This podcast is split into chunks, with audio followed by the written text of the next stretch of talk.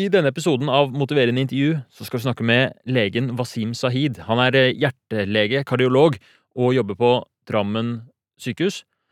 Men han er mest kjent kanskje for å være en veldig tydelig stemme i media. Han er alltid på debatter og i, i aviser og sånt nå. Han blir hele tiden spurt om å stille sin ekspertise til disposisjon, og er jo også eh, først og fremst kjent for å være et sånn fenomen på sosiale medier. Han har eh, titusenvis av følgere på eh, TikTok og Instagram, og særlig på YouTube, hvor han er veldig aktiv. Han elsker å lage videoer og klippe og redigere og formidle helseinformasjon, og er en helt fantastisk person. Første gang jeg traff han, var på trimrommet på Rikshospitalet da jeg var student og han um, jobbet der.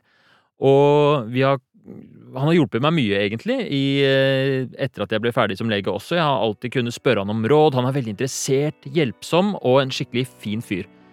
Så det er en glede å ha han med på et motiverende intervju. Nå skal vi ikke snakke nødvendigvis om et eh, problem han har, men vi skal heller snakke om et tema som han er veldig opptatt av. Og det syns jeg blir eh, spennende å se hva som kommer ut av.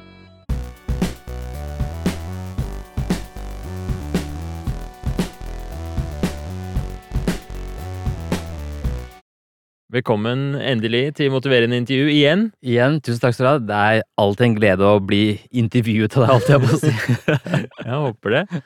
Det er en glede å bli intervjuet av deg òg. Ja. jeg, jeg har vært hos deg et par ganger, og endelig to ganger her. Ja. Hvordan går det? Det går veldig bra.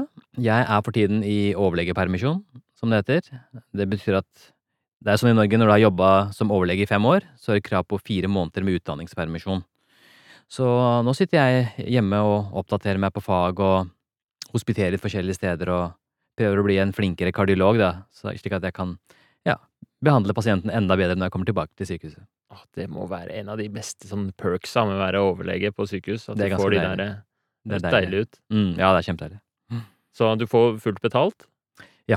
Det er Også- permisjon. og så er jobben din å oppdatere deg. Ja. Og må man rapportere et eller annet? Eller? Eh, Det er litt forskjellig fra sykehus til sykehus. Eh, Noen steder så må man levere en skriftlig rapport, andre steder så kommer man og holder et foredrag om hva man har lært. Noen steder så spør de ikke i det hele tatt, så Mm. det er litt varierende. Hva er liksom en drømmedag for deg nå som du har permisjon? Nei, drømmedag, det er jo eh, Våkne opp, spise frokost, kanskje gå ut og ta en liten joggetur, og så komme tilbake, dusje, sette meg ned med litt artikler eller noen bøker, og så kanskje ja, gå ut og gjøre noe annet igjen. Så man får en litt roligere dag. Da. Det er ikke sånn at du sitter og leser fra åtte til fire heller. Det ville vært eh, Det får ikke jeg til eh, uansett, men Nei, det, altså man, på sykehus så er det jo ganske sånn ekstrem arbeidsbelastning iblant, så det er fint å ha noe sånn her oppbrudd. Ja, veldig. Jeg tror, eh, jeg tror det er helt nødvendig. Ja. Fordi vi, sant, sånn som du sier, det er hektiske dager, det er lange dager, det er mye dårlige pasienter. Du trenger å, å lufte hjernen, rett og slett, Mm. og få litt sånne pauser. Skulle vært i flere jobber, tror jeg. Skulle vært en sånn derre sånn recharge og, og sånn permisjon for å lade batteriene, og for å oppdatere seg. Mm.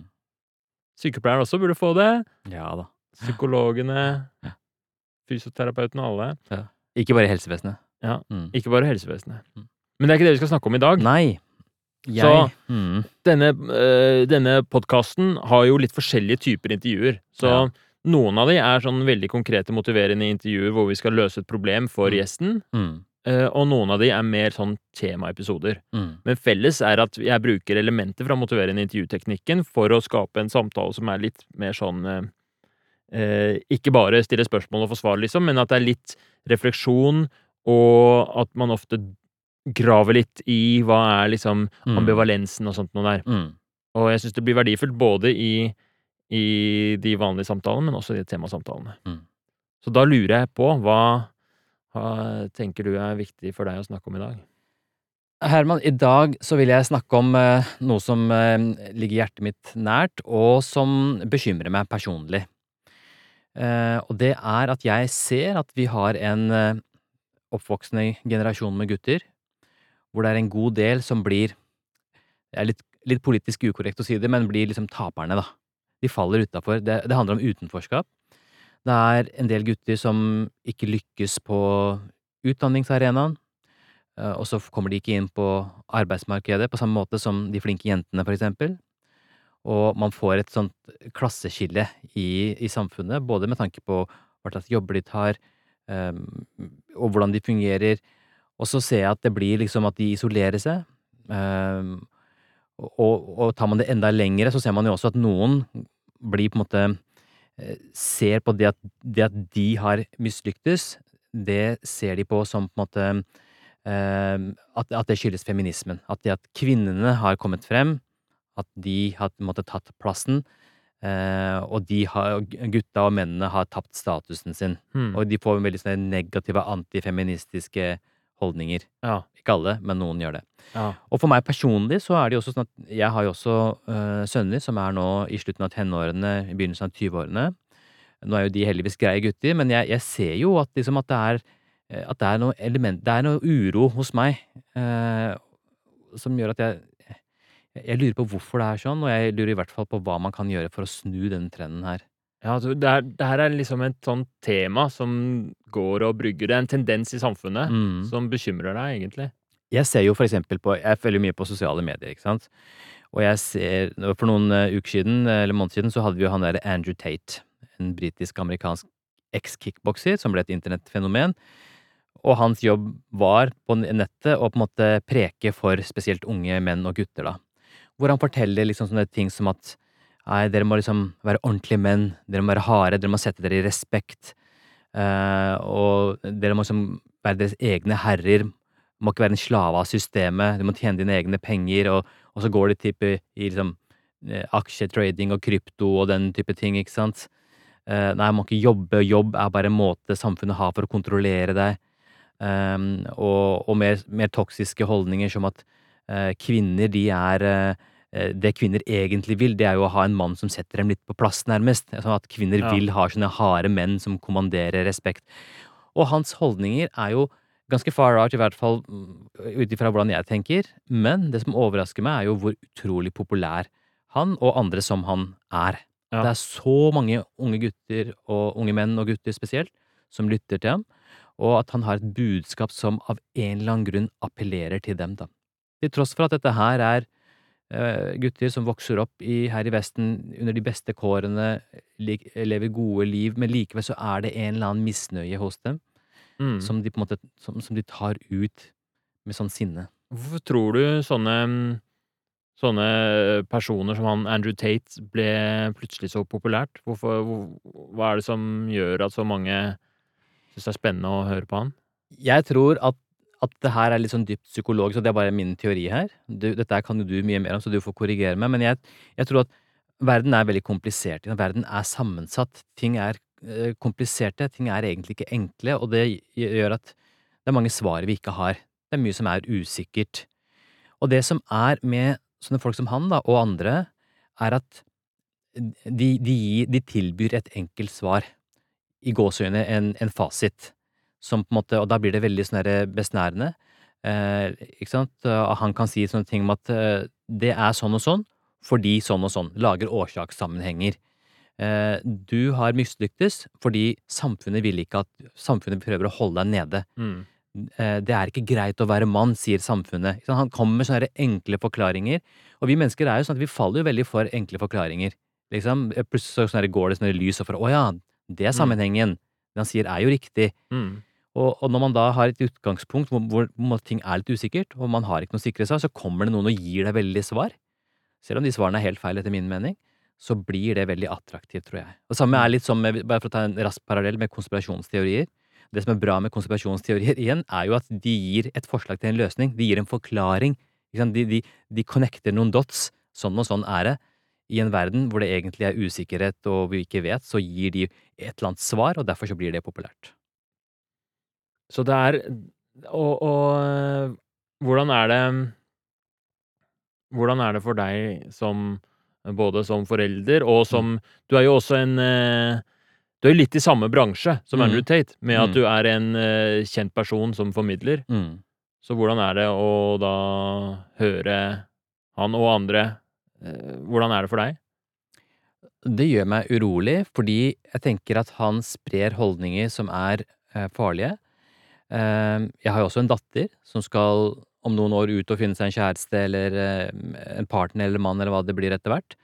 Eh, så så jeg, jeg tenker jo på liksom hva slags gutter og menn kommer hun til å møte? Mm. Hva slags holdninger blir hun møtt med, hvis det er dette budskapet som nå spres blant uh, unge menn? Mm. Uh, så det, det gjør meg bekymret, men også med som på samfunnet. At dette her er da en stor gruppe med, med gutter og unge menn som på en måte um, faller utenfor. Uh, og det er jo, altså utenforskap er alltid farlig, spesielt for de gutta selv, egentlig. Mm. Uh, hvor man da kan uh, Og hvis, hvis de ikke får innpass i storsamfunnet, i de måte mainstream-miljøene, så vil jo de søke seg til andre miljøer som er mer ekstreme, hvor man finner andre ting som er enda mer skumle. Det var en av de grunnene til at jeg, selv om uansett hvor skeptisk jeg er til Andrew Tate, så var jeg ikke glad for at han ble på en måte cancela fra alle mulige sosiale medier. For det som da skjer, er at han trekker seg da til andre steder på nettet, som er mye mørkere, eh, og drar med seg folk dit. Mm. Og der finner man jo ting som er langt verre enn han også. Ja, ikke sant? Så det er ikke, det er ikke noen sånn åpenbar løsning å sensurere, liksom. Overhodet ikke. Jeg, og, det, og det du spurte da, jeg er litt i samme bransjen, så jeg preker jo også. Det jeg har øh, trua på, det er jo på en måte å, å komme med argumenter og ord. Eh, så jeg prøver å forklare fra min side, og jeg prøver også å nå ut til disse guttene eh, med et annet budskap. Mm. Eh, og, og, og prøver å på en måte nyansere det bildet som andre demagoger presenterer, da. Dette syns jeg er et kjempeinteressant tema. Jeg merker at det er noe jeg også blir veldig engasjert av. Og jeg tenker vi kan eh, gå flere veier i denne samtalen. Vi kan snakke uh, Vi kan snakke mer om problemet og utforske det mer hva liksom Dette med at uh, gutter og utenforskap og, og, og sånt noe. Vi kan snakke litt mer om potensielle løsninger, eller vi kan ta det enda mer sånn personlig på, på deg, og hvordan liksom, hva, hva, hva tenker du er eh, du er interessert i? Jeg har lyst til å spørre deg om en ting, fordi du har Mm. psykiatrisk bakgrunn. Ja. Eh, så jeg har bare lyst til å høre hva slags tanker du har. Eh, hvorfor er det sånn at det er mange gutter som sliter i dagens samfunn? Mm. Vi ser det på skoleresultatene. Akademisk sett så gjør de jo det dårligere enn jentene. Eh, vi ser det på hva slags studier, altså for eksempel vårt yrke, da, medisinstudiet.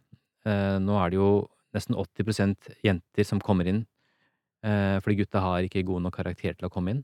Altså, Mm. hva, hva tror du er årsaken til at, at, at guttene faller litt sånn på sida her? Ikke alle, da, men en del. Ja, jeg syns det er et spennende spørsmål. Det er sikkert veld, veldig mange grunner til, og veldig komplisert. Men eh, vi kan jo spekulere på noen ting, da. Jeg, eh, altså min bakgrunn er fra Jeg har litt, litt erfaring fra psykiatrien, og så har jeg mest erfaring egentlig fra mot- motiverende intervju, Mm. som dreier seg om motivasjon. Og en ting som er viktig der, er mestring Mm. og mestringsfølelse. Og når vi snakker om det temaet her, så syns jeg det virker som at eh, eh, samfunnet i dag er veldig opptatt av eh, prestasjon og, og sånn på skolebenken, Mm. og det er lagt opp på en måte som ikke nødvendigvis gjør det lett å få mestringsfølelse, særlig hvis man er av en type som ikke er så god på skolearbeid, da Mm. på norsk og, og matte og sånn. Jeg var jo sånn sjæl at jeg var, jeg var ganske eh, smart på skolen. Selv på ungdomsskolen hadde jeg gode karakterer, men på videregående så gikk det ganske mye ned fordi jeg eh, Nei, jeg skulka en del og, og syntes det var veldig kjedelig på skolen og var urolig og fikk mye kjeft og sånt noe. Og jeg husker godt at jeg liksom eh, I en periode så satt jeg bare hjemme og gama Mm. istedenfor å dra på skolen. Mm. Og mm, det var ikke noe Jeg falt ikke utenfor, som det, det kunne sikkert vært mye verre, men det, var, det hadde ganske mye å si for meg om min mestringsfølelse. Og, og hva- også, Du sa at du ble, du ble redda litt inn. Du falt ikke utenfor. Tydeligvis, du kom inn på eh, legestudiet og sånn, så du så dårlige karakterer hadde vel ikke på videregående skole? Ja, jeg, hadde, jeg måtte ta opp hele videregående på Bjørknes for å Mm. komme inn på, Mm. på medisin. Mm. Så jeg skjerpa meg skikkelig. Eller jeg ble veldig motivert og tok tak i meg sjøl et par år etter videregående. Hva var det som motiverte deg? Nei, altså For det første så hadde jeg jobba i en jobb som eh, med salg og telefonsalg og sånn. Mhm. Og det passa meg faktisk mye bedre enn å gå på skolen, fordi der var det veldig mye sånn mye mer sånn umiddelbar og målbare eh, resultater på det jeg gjorde. Mm. Så hvis jeg ga innsats Mm. i en time, så Mm. fikk jeg plutselig salg, og så tjente jeg mer penger og Mm. sånt noe. I hvert fall mer umiddelbar respons, da. Det var veldig umiddelbar respons, og det Mm. var ikke liksom Det var eh, høy Altså, vi satt i et rom hvor vi var 20 stykker i samme rom, alle snakka drithøyt, det var drithøy musikk på, og hver gang noen solgte, så ringte det i bjella. Så det var veldig høy grad av stimuli, Mm. og det passa for meg at det var liksom spennende og gøy, og bare unge folk og sånt. Og det var jo mye med den jobben som var kjedelig, og det var ikke givende, og jeg syns jo det var eh, kjipt å få nei og sånn, Mm. alt sånne ting, men, men men deler av den jobben syntes jeg var veldig spennende, nok til at jeg ble motivert og interessert i å gjøre det bra, og så gjorde jeg det bra. Mm. Så da fikk jeg mestringsfølelse, og da begynte jeg å få den derre ah, jeg kan jo få til ting. Mm. Mm. Det der at jeg var i en gruppe og så at jeg var go like god, kanskje til og med bedre enn mange av de andre, gjorde at eh, jeg, jeg fikk en sånn derre eh, mestringsfølelse. Det var veldig viktig for meg. Men kan det tenkes her Nå tenker jeg altså, ok, Mm. Du var litt sånn utpå, øh, og så fikk du ble du tilbudt noe som du opplevde mestring på. Mm. Det gjorde at du ble Du klarte å hente deg inn igjen. Mm. Uh, og, og den selvtilliten du fikk av uh, å mestre den jobben, uh, kanskje den spillet over på andre ting også i livet. Eh, at du jeg, jeg tenker det at det, det er noe av det jeg pleier å si til eh, folk som spør meg. Så det er veldig viktig at du blir god i et eller annet. Ja. Altså bare, at, slik at du får den der mestringsfølelsen. Det, en, altså det kan være en at du la oss si, er kjempeflink i biler eller eh, musikk eller eh, et eller annet som du bare blir sånn noe veldig smalt nå, som du bare blir en ekspert på. Mm. For det, det gir deg en sånn selvtillitsfølelse som jeg føler at det spiller over på andre arenaer av livet, som gjør at du også da bedre klarer å håndtere andre situasjoner. Kanskje det var det da som gjorde at du eh, følte for å gå tilbake til skolebenken og Mm. klarte å mestre det også bedre enn du hadde gjort det tidligere. Jeg, jeg tror det hadde noe å si, og jeg tror veldig på det at, liksom, at du får mestringsfølelse på ett område, så kan det smitte litt over på andre områder. Men tilbake til spørsmålet mitt. Mm. Det er jo greit, der har man jo Der har man jo en mulig løsning. Eh, men det jeg lurer på, er hvorfor gutter i utgangspunktet hvordan var, altså, Hvorfor de i utgangspunktet faller mer ifra? Eh, kan vi gå enda lenger tilbake og forebygge på en eller annen måte? Det er jeg interessert i å vite. Ja. Da, da, det er en ting jeg lurer på. Hvordan var, hva, hva, tenker du om oppvekst og oppvekstvilkår? Ikke det, har ikke det noe å si for hvor robust du blir? Og, Jo, det tror jeg, og jeg tror at eh, eh, En ting som eh, Og det er også litt sånn personlig for meg, da, men en ting som jeg tror er veldig vanskelig med å vokse opp nå, kontra hvordan det var Mm. før, det er eh, hvor mye fristelser det er. Mm. Altså mm, For meg så er det særlig dataspill, da. Mm.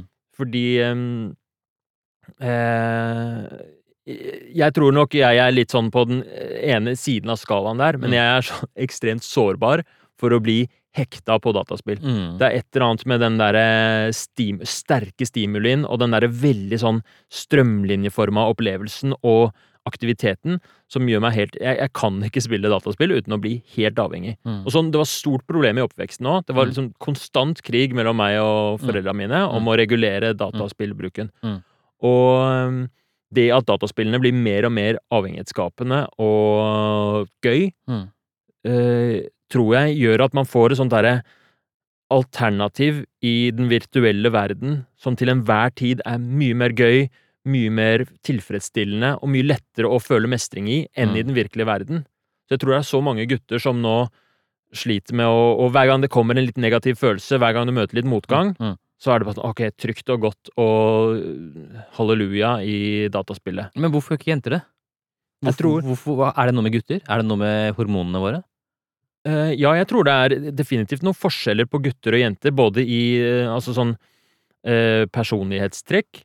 Sånn eh, i det store og det hele. Det betyr ikke at alle er sånn, men, men sånn Generelt. generelt Mm. så tror jeg at eh, jenter ofte er mer pliktoppfyllende Mm. og sånn opptatt av å passe inn sosialt. Mm. Så det er mye Det gjør at jeg liksom Da får du en edge i skolesammenheng. Mm. Fordi det er kanskje lettere for deg, eller mer sånn gøy for deg, å, å få til gruppearbeid, få til eksamen og få, få Mm. til lesing og sånt noe. Mm. Jeg tror oftere at det er lettere for jenter enn gutter. Mm. Uh, men også de der, den derre dragningen mot å det kompetative og mot den derre uh, I alle dataspill så er det sånn level up, Mm, ikke sant? mm. Den derre progresjonen og Mm. vinne og hierarki. Kamp og rivalisering. Ja. Det er jo noe som appellerer mer til guttene. Ja. Så altså, det er mange flere sånne eh, krigsspill og sånn guttespill. Ja. Det kommer sikkert mer og mer jentespill òg, da. Det øh, og mange jenter syns jo det er dritkult. Så det her er ikke sånn kategorisk, men jeg tror det gir sånn gutter en ulempe, da. At vi Mm. kanskje Mange gutter har en større eh, fare ved å bli sånn skikkelig hekta på dataspill på en måte som er usunt, og ha enda vanskeligere for å mestre på skolen fordi man kanskje er mer urolig. Er gutter mer utsatt for avhengighet? Det, altså, jeg tenker på sånn gambling. Jeg ser for meg bare menn som gambler, men det er sikkert jenter også. Kvinner også. Men eh, Ja, men jeg jeg er ganske sikker på at det er flere gutter som er avhengig av pengespill enn jenter. ja. Og jeg vet ikke om avhengighet, for man kan jo bli avhengig av forskjellige ting, Mm. men i hvert fall det der med eh, sånn penger og tall Mm. og sånn derre Den derre trangen til å se at penga stiger, liksom. Mm. Eh, har jeg følelsen av Men dette er jeg ikke noe ekspert på, da. Jo, Men jeg, jeg, jeg, jeg, tror det er veldig interessant det du sier der, fordi der hvor det er et konkurranseelement, Ja. der tror jeg guttene er på en måte litt mer involvert av en eller annen grunn. Og, og, og innenfor kryptoverdener og aksjer og liksom, det, er en, det er jo et konkurranseelement der. Man skal liksom prøve å slå de andre ved å på en måte Ja. komme opp og Ja, ja, det, er, det handler alltid om å slå markedet. Mm. Og hver gang, eh, fordi hver gang man kjøper, gjør en trade, Mm. ja, så, så, Og du er inni det, du. Ja, litt, ikke sant? Jeg kjenner i hvert fall på dragningen mot det. Ja. Det er en annen ting som jeg må regulere, jeg må passe meg for, og ikke bli sånn derre så det, jeg, må, må liksom, jeg må holde meg unna, på grunn av min personlighet, Mm. så må jeg holde meg unna dataspill. Jeg har aldri kjøpt eller solgt noe krypto, for jeg veit at jeg, jeg hadde blitt så hekta. Ikke fordi eh, På grunn av de konkurransegreiene. Mm. Som, det er som et spill, da. Mm, det er jo det. Mm. Men jeg, jeg merket meg en ting som du sa i stad. For du sa at da du var liten, så var det en konstant kamp mellom deg og foreldrene dine når det gjaldt dette her med, med dataspilling, Mm. videospill. Og eh, så tenker du at det at foreldrene dine ga deg den kampen, at de var liksom til stede og ga deg motstanden, at det har vært litt bra også? Ja, det, eh, At uten dem så ville det vært eh, Hvis ikke de regulerte det, så hadde du bare fortsatt, liksom? Ja, det, det har jeg ikke noe fasitsvar på. Mm. Fordi på den ene siden så eh, Det at de hele tiden på en måte nekta meg å spille, kan hende at gjorde at spillet ble enda mer sånn verdifullt for meg. At det var sånn ah, jeg må få spille. Og det skjedde jo også at jeg liksom løy eller lurte meg unna for å spille mer. Mm. Jeg fikk bare spille én time om dagen, men så kom mamma hjem sent fra jobb, og så spilte jeg, spilte jeg, spilte jeg. Mm. Så når hun kom inn, så har du spilt? Nei, jeg har ikke spilt. Jeg er klar for Mm. timen min nå, liksom. Yeah. Og, og mm, eh, Men altså, det, jo, det må jo reguleres på en eller annen måte, fordi jeg tror ikke Eller jeg vet ikke hva som hadde skjedd hvis jeg hadde fått frie tøyler. Mm. Du burde nok spilt litt mer. Ja. Men både mor og far var til stede. Hadde, du- hadde, du, hadde, hadde du Følte du at du hadde både kvinnelige og mannlige rollemodeller gjennom oppveksten? Altså, for meg så Jeg bodde mm, eh, Foreldrene mine er skilt. De var det Mm. siden jeg var sånn to år, så jeg, Mm. har liksom, de har alltid vært skilt. Så jeg bodde delvis hos moren min, Mm. delvis hos faren min, og de er jo veldig forskjellige. Mm. På sånt ting. Men du, du har hatt kontakt med begge, i hvert fall? Jeg har hatt kontakt med Ja, ikke sant? For det er jo også en annen ting som man kan undre seg over. Hvis, fordi hvis man ser på, øh, på barn, da øh, Kilsmissebarn, for å si, bruke det uttrykket. Det finnes sikkert et bedre faglig uttrykk, men nå, litt velvillig. Mm. Barn med skilte foreldre, i hvert fall. Ja, Mm. det er kanskje et bedre uttrykk. Ehm, så ser man jo at uh, veldig mange klarer å finne en sånn ordning, sånn som dere hadde, at man var liksom, uh, hadde begge foreldrene til stede. Men så er det også en god del barn uh, i Norge som har ingen kontakt med den ene av foreldrene Mm. etter et brudd. Mm. Altså at barna blir boende hos den ene forelderen. Det er snakk om ca. 12 000-13 000 barn i Norge per i dag Mm. som har ingen kontakt med den ene forelderen. Og i 98% av tilfellene Hvilke foreldre tror du de ikke har kontakt med? Det er sikkert faren, da. Det er faren. Mm. 98% Ja. Og det er jo en vanvittig skjevfordeling Mm. for hver eh, altså, ja, som, Så det er jo eh, Det betyr jo at det er da 11 000 11 000-12 000 barn i Norge som har eh, ikke den mannlige rollemodellen Mm. i livet sitt som en, som en far er, da, i hvert fall. Mm. Og det er jo en, det er jo en ekstremt skjevfordeling, altså 98 Mm. det, og, jeg, jeg, og jeg tenker på Har det noe å si? Kan det forklare, i hvert fall delvis, eller noe av det, at disse unge mennene nå søker til seg disse andre guruene som Andrew Tate eller Jordan Peterson, eller den type folk som på en måte er litt sånn aut, um, litt mer autoritære, konservative i tankegangen sin, fordi, fordi de ikke har hatt en sterk mannlig rollemodell i livet sitt tidligere. Så kompenserer man liksom ved å søke seg til det, da. Ja, det kan hende. Altså, men jeg, jeg, jeg tror at eh, Jeg tror at da er det forskjell på å ha en eh, mannlig rollemodell og en maskulin rollemodell. Mm. Og da mener jeg maskulin som en sånn eh, Eller jeg mener ikke det heller, men eh, altså fordi jeg, jeg tror det går helt fint å vokse opp uten eh, mannlig forelder. Mm. Uh, og, Ja, det trenger ikke å være en forelder, det kan Ja. være i, på skole, det kan være en Ja. lærer, det kan være barnehage.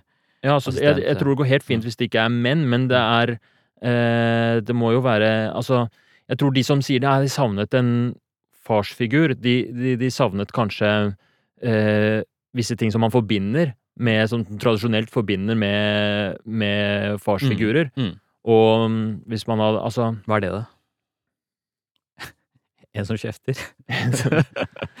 mm, Nei, altså Jeg ser jo for meg at Ja, det kan være Hvis man skal være litt sånn Nå, nå bare tenker Mm. jeg høyt der, liksom type Man ser for seg at kanskje faren er den som tar seg med eh, barna og lærer dem kanskje mer praktiske ting mm, utafor huset. Kanskje mer sånn skru på ting, tang, Ja, bygge, sage, eh, drive i hagen, den type ting. Jeg vet ikke. Eller Ja, men det er en del fordi, fysiske ting, da, Ja. Fordi det, altså, Faren min er verdens mest handy person. Mm. Så, men jeg var jo veldig lite interessert. Han var sykkelreparatør. Mm.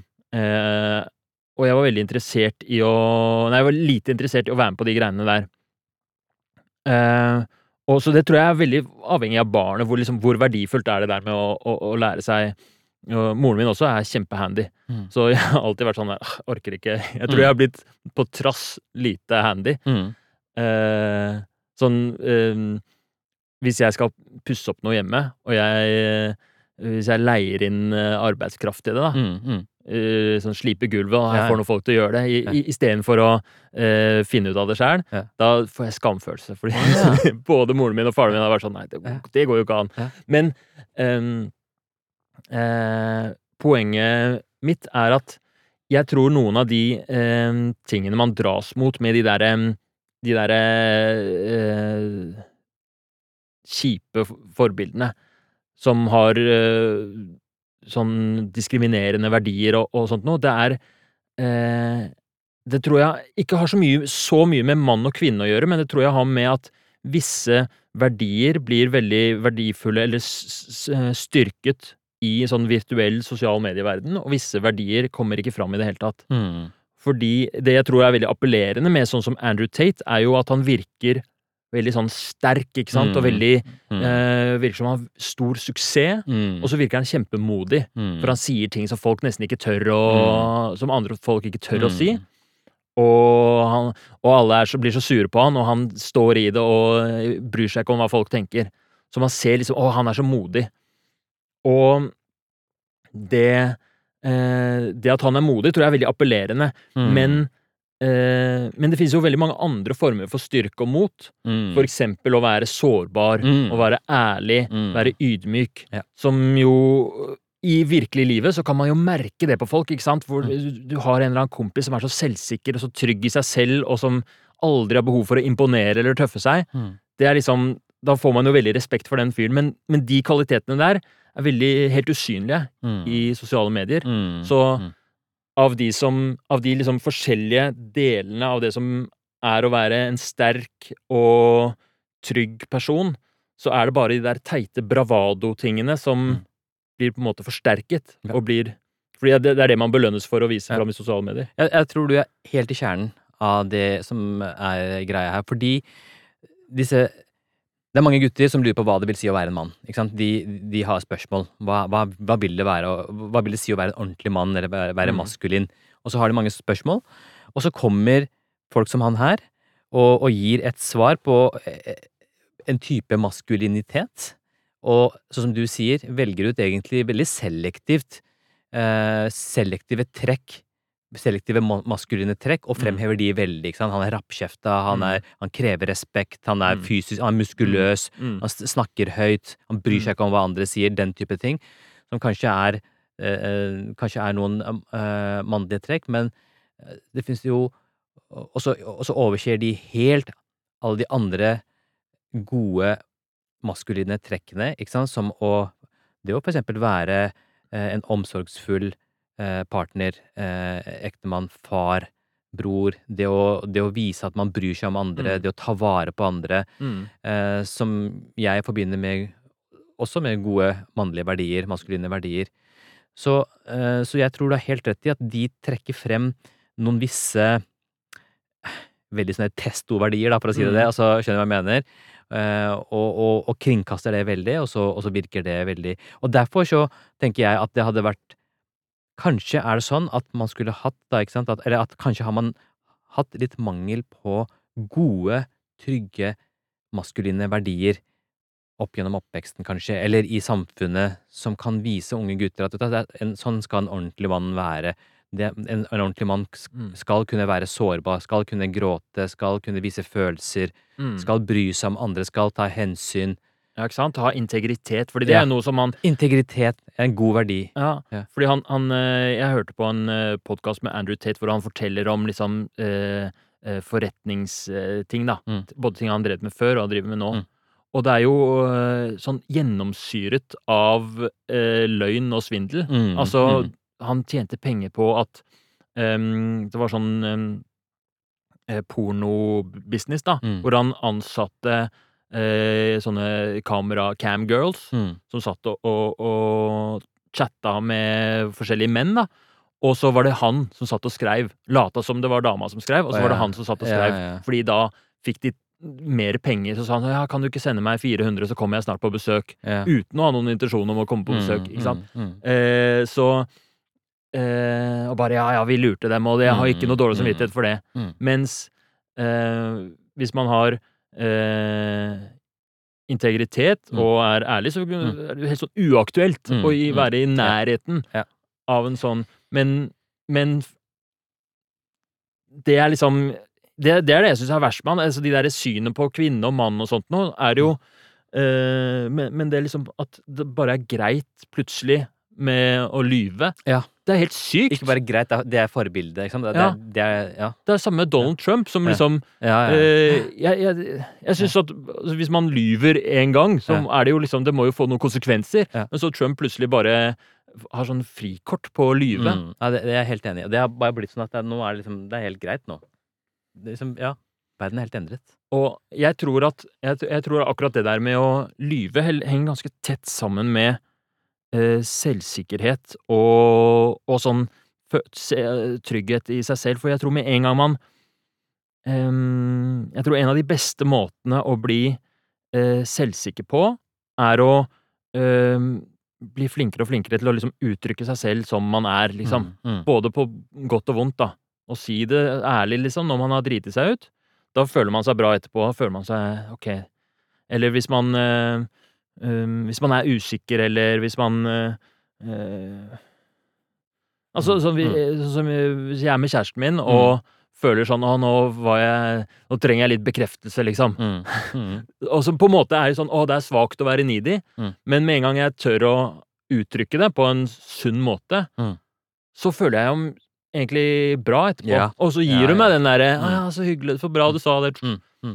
Og så er det en um, Så den derre eh, Den derre å være bravado og tøffe seg, Mm. og samtidig liksom leve i en verden hvor man skal drive og lure og Mm. manipulere, Mm. det er liksom oppskrift, tror jeg, på å føle seg skikkelig dritt. Mm. Og det er en sånn derre Mm. eh, Hvis man først begynner med det, så tror jeg man Mm. jeg, jeg tror Andrew Tate har det vondt i seg på grunn av de tingene der.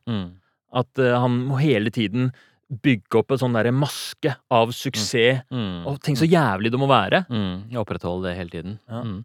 Du, jeg, jeg har lyst til å snakke, spørre om en annen ting. Motivasjon Du har tatt over hele intervjuet. Nei, sorry. Veldig bra. Jeg, men jeg, jeg, det er så fascinerende at når jeg har en sånn klok hjerne, som jeg plukker litt på den. Eh, motivasjon. Mm. La oss nå snakke om Det går tilbake til det problemet jeg hadde. Mm. Mm, eh, unge gutter som ikke er motivert til å utdanne seg, jobbe, måtte ta ansvar for seg selv, eh, skape seg liv. Hvordan kan man motivere dem? Hvordan kan man skape motivasjon? Én ting er jo mestringsfølelse, som du snakket om. Men hvordan, hvordan kan man eh, Har, har, du noen, har du noen gode råd til hvordan man kan skape motivasjon? Ja, det har jeg. Det er liksom Det er det, Det er jeg er det mest kan. opptatt Det er det jeg kan.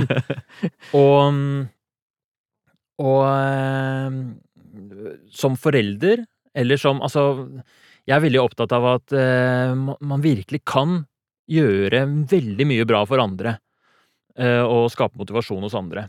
Og jeg, vi kan jo ta litt sånn som foreldre, da, siden du Ja, har ja. gutter i tenåra. Ja. Og eh, det som er det liksom Det som man har veldig lyst til, og som er det typiske, er at man eh, som forelder har jo ønsker alt godt for, for sønna sine. Og så, det gjelder samme for venner og for kollegaer og alt, men og så vil man inn og hjelpe. Og Mm, måten man hjelper på, er ofte å gi råd, mm, og på en måte mm, Hvis man ser for seg at eh, sønnen sitter og kjører en bil, så er det litt som om man griper rattet. mm, Sånn, ah, 'Du burde søke på det studiet der', eller Mm. ah, 'Du burde starte med det, det virker gøy', eller Mm. Eh, Man blir ganske sånn Og det er jo fordi man vil det godt, men man Ja. har veldig lett tendens for å bli inngripende. Hvis, Mm. hvis eh, Nå sa jeg pasienten, men hvis sønnen kommer og spør om et eller annet eller har et eller annet problem, Ja.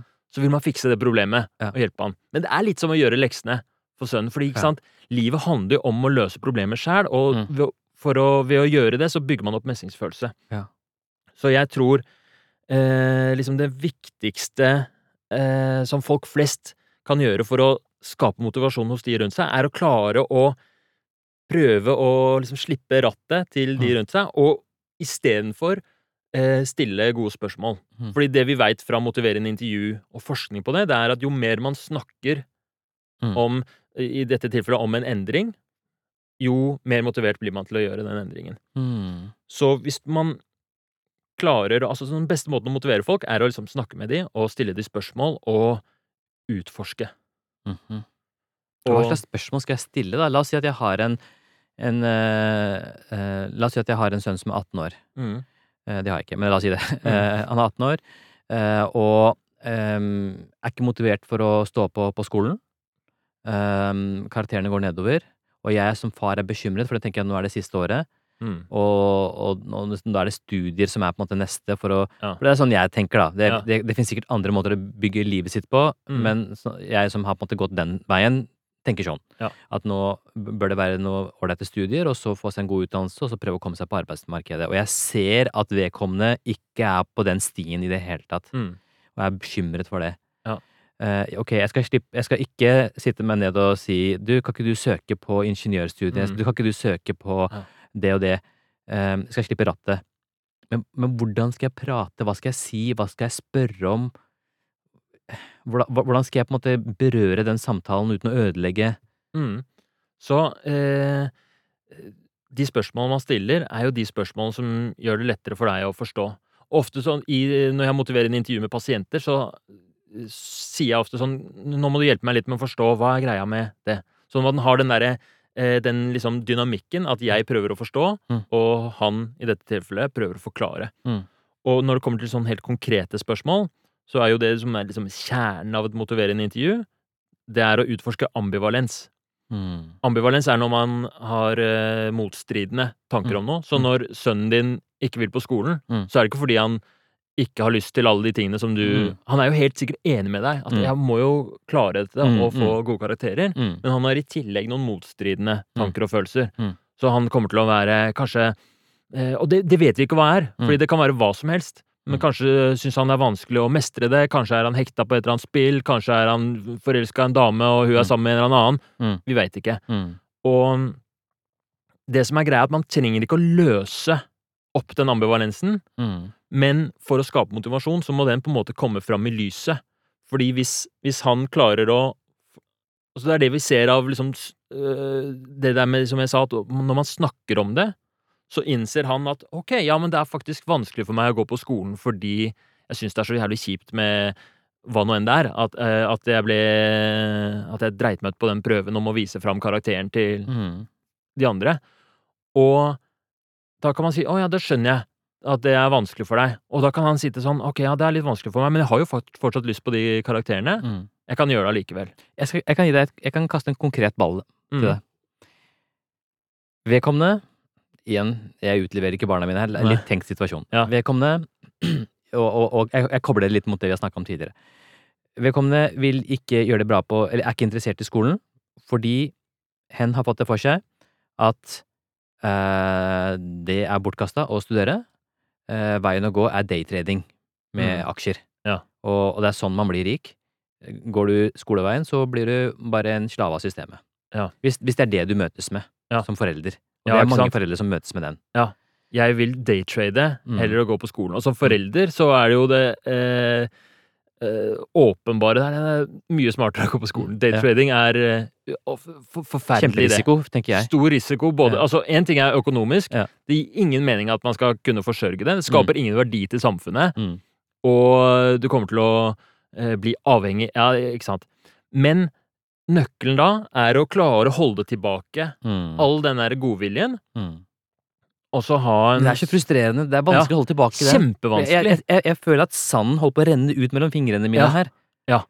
Da har jeg lyst til å knipe igjen. Ekstremt krevende, og Ja. du får så lyst til å knipe igjen. Ja. Og øh, den følelsen er Det er vanskelig, og jeg sliter jo med det selv, men man trenger ikke å gjøre det perfekt. Mm. Fordi du kommer til å feile og begynne å gi råd og, og være pappa, liksom. Mm. Men hvis du klarer i tillegg å i bruddstykket, liksom, få til en liten samtale med Ok, nå skal jeg prøve å forstå hvorfor du syns daytrading er så kult. Mm. Hva er det som er alle fordelene med daytrading? Mm. Og så sier han jo, ja, men man kan tjene dritmye. Og så istedenfor å si sånn, ja, men du Mm. veit at det er høy risiko, så kan du si sånn, ok, det hørtes fett ut at man kan tjene dødsmye, da. Mm. Eh, si litt mer om Det er viktig for deg å tjene masse penger. Mm. Ja, jeg har så lyst til å Mm. Mm. Og um, se på her, han, han her på Mm. YouTube, han Mm. eh, gjør sånn og sånn. Mm. Så ok, fascinerende. Så Mm. hvis du klarer å replikere det, så kan du faktisk tjene så og så mye. Mm. Og så lar man de, liksom, de der argumentene komme ut. Mm. Fordi det som skjer hvis, hvis han sier ah, 'jeg har lyst til å tjene masse penger på daytrading', og Mm. du sier eh, 'nei, men det er risikabelt', Mm. så kommer han til å argumentere mot deg. Mm. For sånn Mm. fungerer mennesker, at vi Ja. er liksom automatiske debattanter. Mens hvis du sier eh, 'bli med på hans side', Mm. Og så sier du 'jeg, jeg gir deg ikke råd om å daytrade nå, men få høre mer om det', liksom. Mm. Eh, så du kan tjene dødsmye. Så sier han 'ja, man kan tjene 300 000'. Det er jo selvfølgelig risikabelt', kommer han til å si selv da. Mm. Så da har han tatt argumentene på begge sidene, Mm. og så kan du liksom være med og istedenfor eh, være motdebattant mot han, ja, Ja, ja, så kan du være programleder. Ja. Og guide han i en utforskning av fordeler og ulemper. Mm. Og det som også er veldig vanskelig som forelder, Mm. det er at man må tørre å ha tillit Mm. til at han, Mm. hvis han får lov å utforske det her på egen hånd, Mm. så kan han ta sitt eget valg. Mm. Mm. Og til og med kanskje prøve litt, tape alle penga sine, Mm. og så skjønne at ok Mm. Og så er det selvfølgelig en balansegang, for altså, som, øh, når det er snakk om barn, så har man jo også et ansvar for å Mm. Mm. Uh, Men uh, det er tankegangen, da. Og veldig lurt. Mm. Ja, hva er- tenker du om det? Nei, det, det Akkurat det siste du sa, det der med å ikke gå i diskusjon Mm. eh, Eller ikke gå i en debatt, men heller gå i en diskusjon med dem, Mm. og sammen se på fordeler og ulemper, og få, liksom, få dem til å komme med argumentene. Mm. Jeg tror det er Og jeg kjenner det på meg selv også. Eh, hvis jeg innser noe selv, så gjør det et mye større inntrykk på meg enn Mm. om noen andre forteller meg det.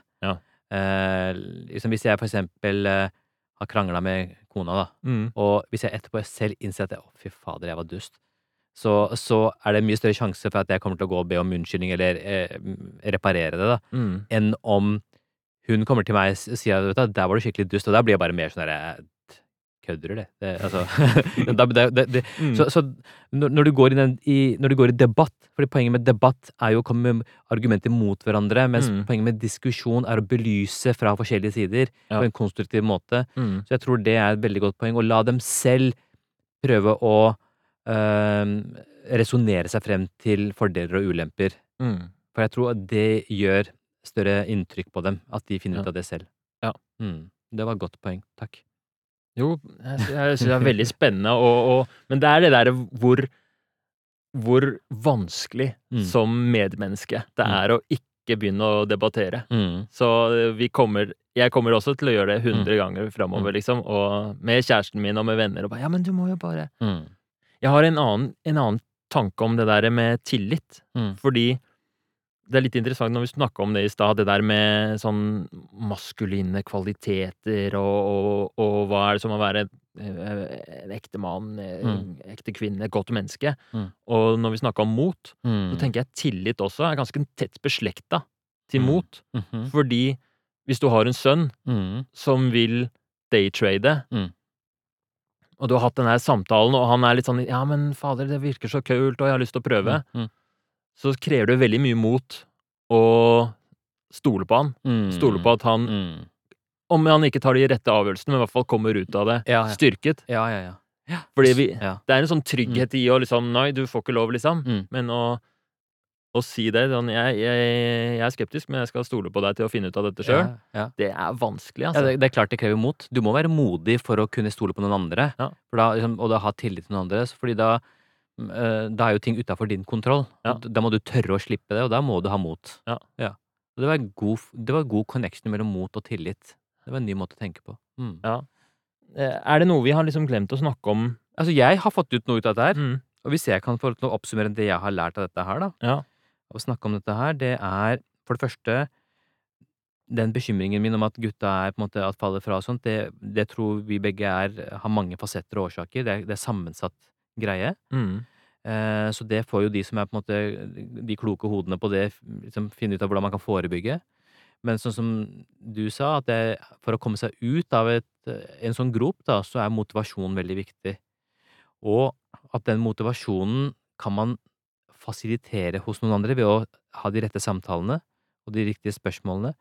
Men den motivasjonen blir sterkest hvis den personen får aha-opplevelsen selv, ved å Mm. selv Man kan liksom fasilitere den samtalen og, Mm. og stille de rette spørsmålene, ha de rette svarene, men at man må prøve å få vedkommende selv til å komme frem til de gode svarene. Ja. Og det er da tror jeg at det har størst effekt. ja, ikke sant. Det er det jeg tar vekk fra den Ja, det samtalen. syns jeg var veldig fint. Det der, De derre svarene Det er det som er så vanskelig, for man må Mm. stole på at de svarene som kommer, er de riktige. Selv om man Mm. føler at man har et svar selv. Så Mm. ok, ok, det svaret er kanskje riktig for meg, Mm. Men hva er det som er Men da har vi fasiten, da. Vi har fasiten.